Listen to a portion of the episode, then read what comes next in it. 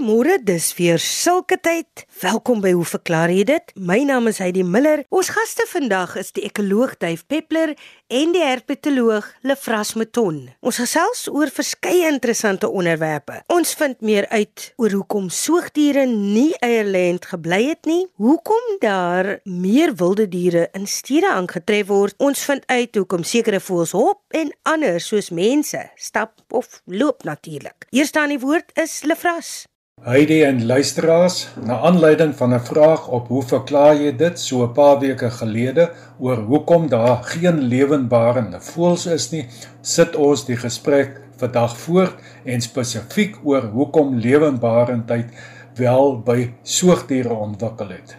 'n Mens kan nie help om te wonder oor hoe die lewe sou gewees het as soogdiere net soos voëls nog almal eierlêend was nie. Heidi, stel jou voor die mens was eierlêend en ieder as om vir 9 maande met die ontwikkelende embrio of embrios in jou lyf rond te moet loop, kan jy sommer kort na bevrugting een of twee eiers in jou bed of op die rusbank lê waar jy dan rustig op die eiers kan broei, gegee dat jy net soos voëls ook warmbloedig is.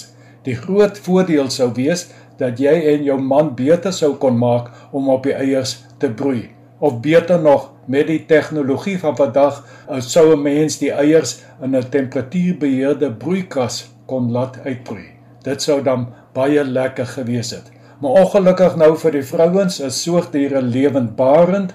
Uh, dis nou met die uitsondering van die primitiewe groep monotremata wat nog eierlêend is. Dit beteken dat in die geval van die mens die vrou al die harde werk moet doen. 9 maande se swaar dra aan die ontwikkelende embrio of embrios wat ook die voorsiening van voedingsstowwe via die plasenta insluit en dan na geboorte die voorsiening van melk aan die kleintjie of kleintjies oor 'n uitgerekte tydperk. Anders as by die meeste voëls is die manlike individu se bydrae tot die grootmaak van kleintjies by soogdiere baie gering. Ek dink dit is dis 'n goeie vraag om te vra hoekom het soogdiere nie eierlêend gebly nie. Soos reeds gesê is dit net die 5 spesies in die primitiewe groep soogdiere, die monotremata wat wel nog eiers lê. In 'n vorige program het ons genoem dat daar oorweldigende getuienis bestaan dat die evolusie van lewendbarendheid by die ektotermiese of koudbloedige groepe soos akedisse en slange wat nie op eiers kan broei nie, meestal aan koue klimate gekoppel kan word. Byfies wat eiers terughou in die lyf, eerder as om dit dadelik te lê, kan deur hul gedrag, byvoorbeeld om meer in die son te bak, die ontwikkeling van die eiers aansienlik versnel. Omdat voëls egter endotermies of warmbloedig is, sou daar nooit by hulle enige nodigheid vir die evolusie van lewendbarendheid gewees het nie. Net soos voëls is soogdiere ook endotermies en met die uitsondering van enkele primitiewe forme wat eierlêend is, is soogdiere egter lewendbarend. Hoe verklaar 'n mens dit? Nou voor ons hierdie vraag probeer beantwoord, dink ek moet ons net eers iets sê oor hoe die verskillende groepe van die landwerweldiere aan mekaar verwant is. Die amniota of ware landwerweldiere het baie vroeg in twee ontwikkelingslyne vertak, naamlik aan die een kant die Eureptilia wat uiteindelik aan skilpaaie, akedisse, slange, krokodille en dinosourusse, insluitende voëls, oorsprong gegee het. En dan aan die ander kant die Synapsida wat uiteindelik sou lei tot die soogdiere. Soogdiere en voëls is filogeneties dus baie ver van mekaar verwyder amper soos die noord en die suidpool van die aardbol. En dit is iets wat 'n mens se gedagte moet hou wanneer jy probeer om vergelykings tussen die twee groepe te tref. Voëls is baie nader verwant aan krokodille, akedisse, slange en skilpaaie as aan soogdiere. Om terug te keer tot die uh, vraag van lewendbarendheid by soogdiere, ek dink 'n mens sou baie wys kon word deur na voortplanting by die mees primitiewe groep van die soogdiere, die monotremata, te kyk. Lede van hierdie groep besit reeds die tipiese kenmerke van soogdiere, naamlik hulle is endotermies uh of warmbloedig dan en hulle besit hare en melkkliere, maar hulle is egte eierlêend. Al die ander soogdiere is lewendbarend. Ons weet dat diere wat eiers lê, voedingsstowwe in die vorm van dooier reeds voor ovulasie in die eiersel neerlê en na ovulasie en bevrugting word die dop gevorm en die eier word dan gelê. Die dooier dien as voedsel vir die ontwikkelende embrio binne die eier totdat die eier uitbroei.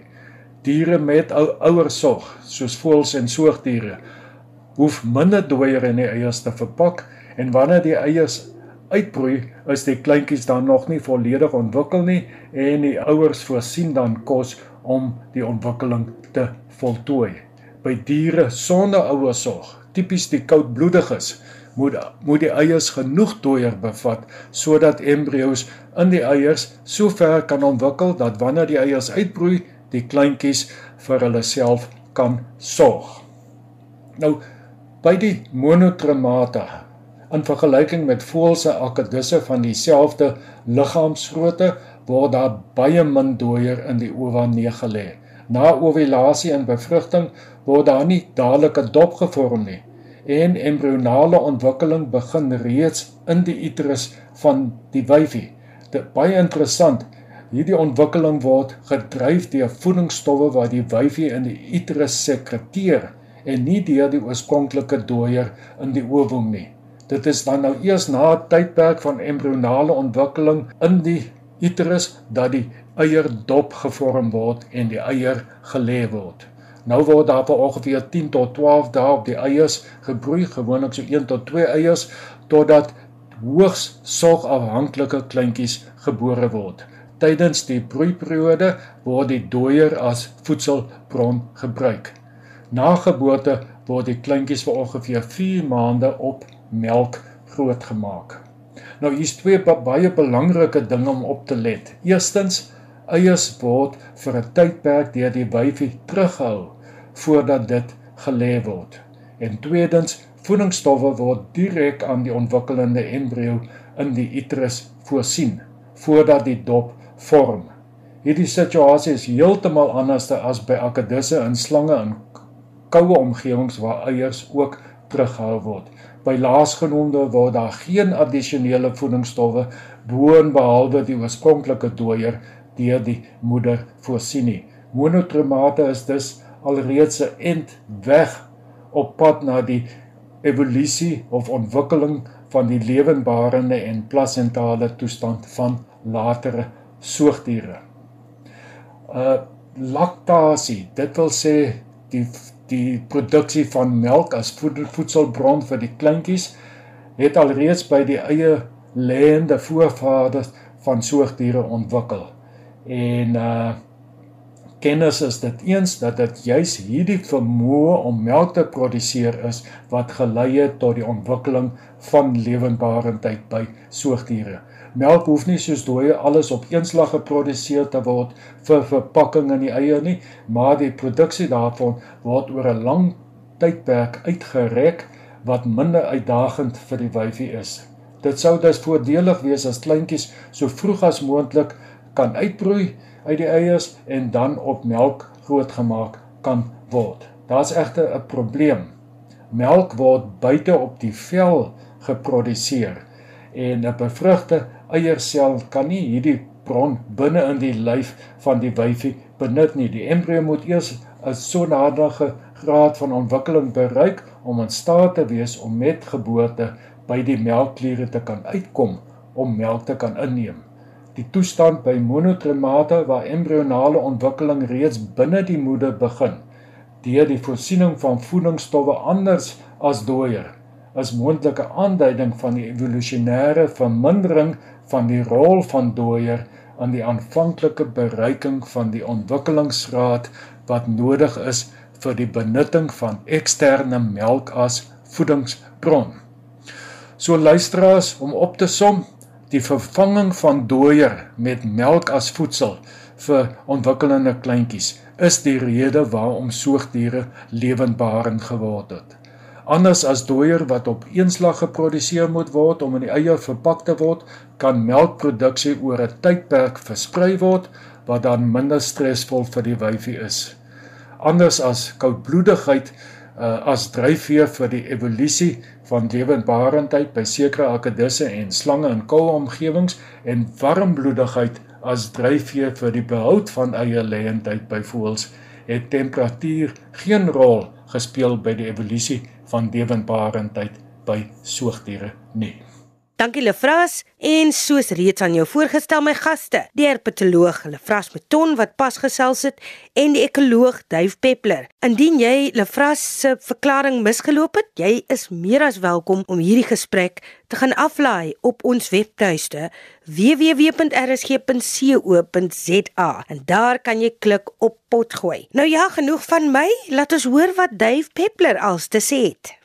Dag Heidi, en my kollegas en luisteraars gegroet uit my studeerkamer. Kom ons begin by Jeff Rich van Parklands. Hy het gesê sekere voëls loop links, regs soos 'n mens, ander weer hop. Hoekom is dit so? Ons het die vraag al van tevore beantwoord, maar ek dink dalk 'n vinnige herbesoek kan net help. Nou ja, daar is 'n eerste reël en die reël gaan so: Die wat in bome hoofsaaklik woon, hop en voels wat op die grond hoofsaaklik voorkom sal gewoonlik stap of loop. Maar dit het natuurlik ook te doen met die grootte van die voël en ook met fisiologie. Ons moet wel onthou, dink 'n bietjie hieraan dat aasvoëls hop gewoonlik, hulle stap nie rond nie.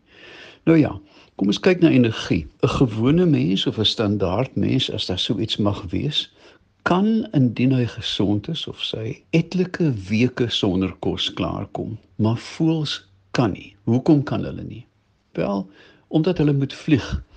En eh, ek dink nie dis bekend in die wetenskap van 'n vetvoël wat vlieg nie. Daar is wel eh, 'n uh, klein uitsondering en dit is wanneer voëls uh, migreer. Kom ons dink byvoorbeeld aan my gunsteling, die klein rooi valk wat byvoorbeeld moet kan vlieg van Kazakhstan na Wellington, dan moet hulle om so ver te kan vlieg vet uh opbou en gewoonlik so 6 weke voor die vlug na die suide of natuurlik die terugvlug begin hulle verbete vreet, vreet meer as gewoonlik en bou so wat 30% bo normale liggaamsmassa op. Die rede hoekom hulle 30% is omtrent die afsnypunt En dan die wonderlike is dat wanneer jy vet metaboliseer, word water vrygestel binne die fisiologie van die voël en dan hoef hulle nie soveel te drink nie. Met ander woorde, baie voëls kan vir duisende kilometer vlieg sonder om te gaan sit of om water te drink. Dit beteken ook dat meeste voëls daagliks moet vreet. Weereens terug na migrasie in die tye van die noordelike winter, uh in die palearktiese gebied, moet miljoene voëls na die suide vlieg omdat daar nie genoeg kos vir hulle is. Uh en dit dit geld veral vir die insekvreters. Nou, um om te vlieg verg omtrent 10 keer meer energie as om te stap. Met ander woorde, as jy eenmal op die grond is, dan is dit 'n goeie ding om aan te hou stap. En jy sien dit eintlik baie mooi geïllustreer by hierdie lui olierige stadstuiwe. Hulle stap vinnig uit die pad uit. Hulle vlieg nie uit jou pad uit nie as hulle dit kan verhelp nie. Met ander woorde, afhangende van jou nis waaraan jy voorkom, is jy 'n koekie of is jy 'n duif? Daarom uh, voels wat hoofsaaklik op die grond voorkom soos koekie en duwe stap. Maar die hoppers is die mossies die wat gewoonlik op takke sit die sogenaamde passeriniformes met ander woorde daar is nie vaste reëls nie die aasvoël wat hop nie maar um, 'n mens kan gewoonlik sê dat voëls wat op die grond normaalweg voorkom sal stap en die wat op takke sit of in die bome woon sal hop 'n baie interessante vraag van Lucky Badenhorst. Ehm um, dit lees as volg: Beste duif, my vraag handel oor die wilde diere wat nou oral in die stede begin rondbeweeg. Wat is die rede? Is hulle net so nuuskierig soos ons mense? Uh die betonoerwoud is tog nie hulle natuurlike habitat nie. Wel, Lucky, dit is verstommend wat aan die gebeur is. Uh, ons het almal gesien in die nuus van Venesië waar vir die eerste keer in honderde jare die water van die kanale kristalhelder is en ons sien visse en jellyvisse en seewiere omdat die verstoring skielik weg is. In Spanje is daar weer bruin beere vir die eerste keer in 130 jaar. Dit beteken natuurlik hulle was altyd daar, maar nou sien ons hulle. Om dieregedrag te verstaan, moet ons eers na 'n aantal ekologiese um konsepte kyk. En die eerste daarvan is habitat. Wat is dit? Dit is die natuurlike omgewing waarin 'n spesifieke organisme bly. Hierdie omgewing voorsien die organisme van kos, skuilings en natuurlik ook die geleentheid om te kan paar. Hierdie habitat bestaan dan uit fisiese en natuurlik ook biologiese eienskappe. Nou, die fisies is natuurlik grond, plante, water, temperatuur, die spektrum van die temperatuur en lig en dan die biotiese aspek is natuurlik kos, die belangrike ding en die teenwoordigheid of afwesigheid van roofdiere. Nou alle organismes het habitatsbehoeftes wat baie wyd kan wees. Kom ons dink byvoorbeeld aan die um, Kaapse haas, die MD langore wat van Kaappunt voorkom tot in Saudi-Arabië of dit kan natuurlik klein wees en hier dink ons aan skoenlappers, die Brenton blue wat in 'n hektaar voorkom en sekere reptiele byvoorbeeld hierdie ehm um, habitat is nie noodwendig 'n groot geografiese gebied nie, maar kan 'n vrot houtstomp wees of die liggaam van 'n gasheer. Dink byvoorbeeld aan die virus wat ons so treiter op die oomblik. Die virus se habitat is die menslike liggaam op die oomblik. Dan 'n tweede konsep wat ons met baas raak is territorium. Nou dis 'n fisiese gebied waarin 'n individu hierdie gebied beskerm teen 'n individu van dieselfde spesies. Met ander woorde 'n hond wat besê het blaf vir 'n ander hond. Hy gaan nie noodwendig so opgewonde wees eh, vir 'n kat nie maar ehm um, die territorium word afgebaken waar die hond bly en dan blaf hy vir ander honde. Dan 'n derde ding wat ons moet aandink is wat bekend staan as die in Engels as 'n floating population.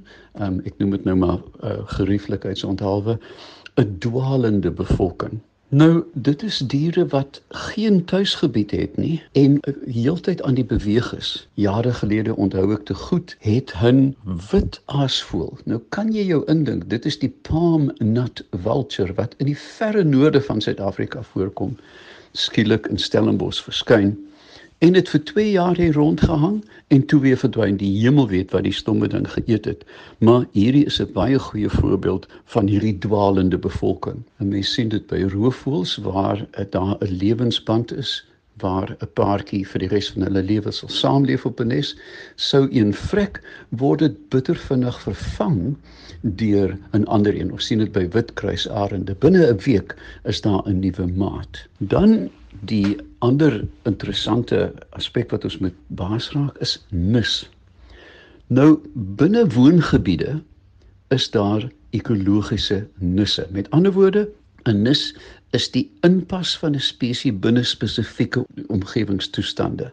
Met ander woorde, 'n spesies, kom ons sê nou maar 'n voël het 'n broeinis, dis die nes, 'n rusplek, 'n tak um 'n voedingsnis, die breë omgewing, 'n witkruisarends wat tassies vang en dan natuurlik 'n paringsnis indien daar paringsgedrag is. Baie diere om hulle fiksheid um te bewys aan 'n bewonderende wyfie sal uh, of kleur of sterk gedragspatrone vorm en dit dan gebruik nou baie van hierdie is 'n spesifieke tak of 'n plek. Mense dink aan noordelike grondvoëls jagvoëls soos die grouse byvoorbeeld wat op 'n oop lappie grond hulle fiksheid vir die stomme wyfies probeer bewys. Maar dan van die belangrikste aspekte wat ons nou moet mee baas raak is vlugafstand. Nou ja, 'n vlugafstand is 'n gebied wat 'n dier omring. Met ander woorde, jy kan byna 'n sirkel om hom trek en sê indien jy hierdie sirkel betree, 'n roofdier of die teenwoordigheid van die mens, sal hierdie dier vlug. Nou dit verskil hemelsbreed. Dink byvoorbeeld aan 'n springbok op oop vlaktes. Nou jy as jy te voet loop met jou geweer as jy gaan jag, gaan jy nie maklik nader as 150 meter van daai springbok kom voor hy begin aanstap nie. Ehm um, by ander spesies die bosbok binne 'n beboude gebied kan dit so iets min as 30 meter wees. Ons weet vir 'n feit dat uh, moenie dit met 'n gemsbok probeer nie. Dit 200 meter dan begin hy al aanstap en nou niks van jou teenwoordigheid nie. Met ander woorde, dit kan ook gesien word as 'n indikator van die dier se vermoë om kansse te vat. Met ander woorde om sy woongebied te vergroot, 'n nuwe nis by te kry, ehm um, hierdie vaste vlugafstand. Nou hierdie vlugafstand met die teenwoordigheid van mense weet ons al te goed kan wissel. Uh nog voorbeelde van hierdie vlugafstand is natuurlik probleemprimate. Ons weet byvoorbeeld dat die probleembobbejane in Kaapstad letterlik huise nou binnendring, maar sou jy 'n trop bobbejane kry wat nog nooit 'n mens gesien het nie, gaan hulle al begin geraas maak honderde meter ver. Maar nou met die met die konstantheid van die mense teenwoordigheid raak hierdie vlugafstand baie baie kleiner. Ons sien dit by kraaie, eekorings, ehm um, mak tuinvoëls wat in jou huis inkom uh seemeeue wat jou hamburger vir jou oë opraap as jy in Kaapstad toe gaan. Nou dat ons meer weet uh van dieregedrag, kan ons kyk wat aan die gebeur is in Grendeltyd. Tot my verbasing, ehm um, kry mens nou berigte en fotos van luiperds wat letterlik in die dag begin rondloop op voetpaaie waar daar gewoonlik baie mense was. En dit is verstommend daar is 'n gedagte dat luipaards nie altyd naglewend was nie, maar ook daglewend was, maar met die koms van die mens en jagtery en skietery het hulle hulle beweging tot die nag beperk. Nou sien ons helder oordag dat luipaards begin rondstap. Daar is interessante beriggewing oor wilde bokke in Amerika wat skielik stede begin binnendring. Hulle stap doodluiters oor die grasperk en eet jou petunias op. En uh, ook tot my verbasing in die noorde van Spanje word daar nou bruinbeere gesien vir die eerste keer in 130 jaar. En dit is ontsettend verblydend nou dat die druk van die mense teenwoordigheid weggeneem is. Diere meer kans sien om te verskyn. Dit uh, wys natuurlik baie duidelik en helder in hoe mate die mens die omgewing beïnvloed en beheer bloot deur sy teenwoordigheid. In baie gevalle uh, is daar 'n konstantheid in beweging soos langs paaie met verkeer waar roofvoëls op palle sal sit en net eenvoudig die verkeer aanvaar as agtergrondgereis maar die hemel help jou as jy stop dan vlieg hulle dadelik want dan verander die dinamika van hierdie gewoonheid van hulle om na aan beweging te wees. So ons kan nou met blymoedigheid en dankbaarheid sê dat die natuur is veerkragtig. Die natuur kan terugkom as ons net weet hoe om ons te gedra. Ek dink dit gaan nie moontlik wees om totaal op te hou beweeg vir tyd en ewigheid nie, Maar skielik weet ons daar is binne hierdie hierdie inperking tyd is daar 6% minder koolsuurgas in die lug. Ons sien diere, ons kan voels hoor vir die eerste keer bo die die agtergrond geruis van verkeer. Met ander woorde, hierdie virus het vir ons 'n ontsaglike baie waardevolle les geleer. En dit is dat ons kan saamlewe met die diere daar buite as ons net besin en ons gedrag verander. Baie dankie Dave Peppler. Baie dankie Lefras Meton vir vandag se episode van Hoe verklaar jy dit? Jy kan aan ons skryf by Hoe verklaar jy dit posbus 2551 Kaapstad 8000 en my e-pos is ook beskikbaar indien jy vrae het. Jy kan 'n e-pos stuur aan heidi@rsg.co.za. Daai Heidi spel jy H A I D E E. Ons groet jou tot aanstaande Sondag. Lekker dag verder.